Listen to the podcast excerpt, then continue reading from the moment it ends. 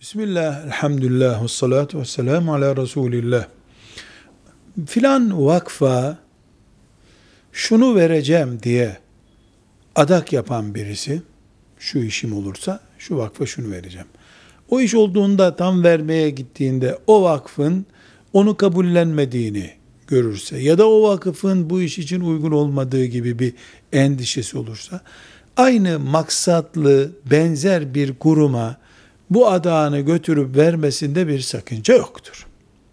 Mesela e, filan cami derneğine götürüp işte Allah rızası için şunu yapacağım diye adak yapan birisi daha sonra o camide bunun değerlendirilemeyeceğini mesela cami halı alacağım dedi. Caminin yeni halıları var.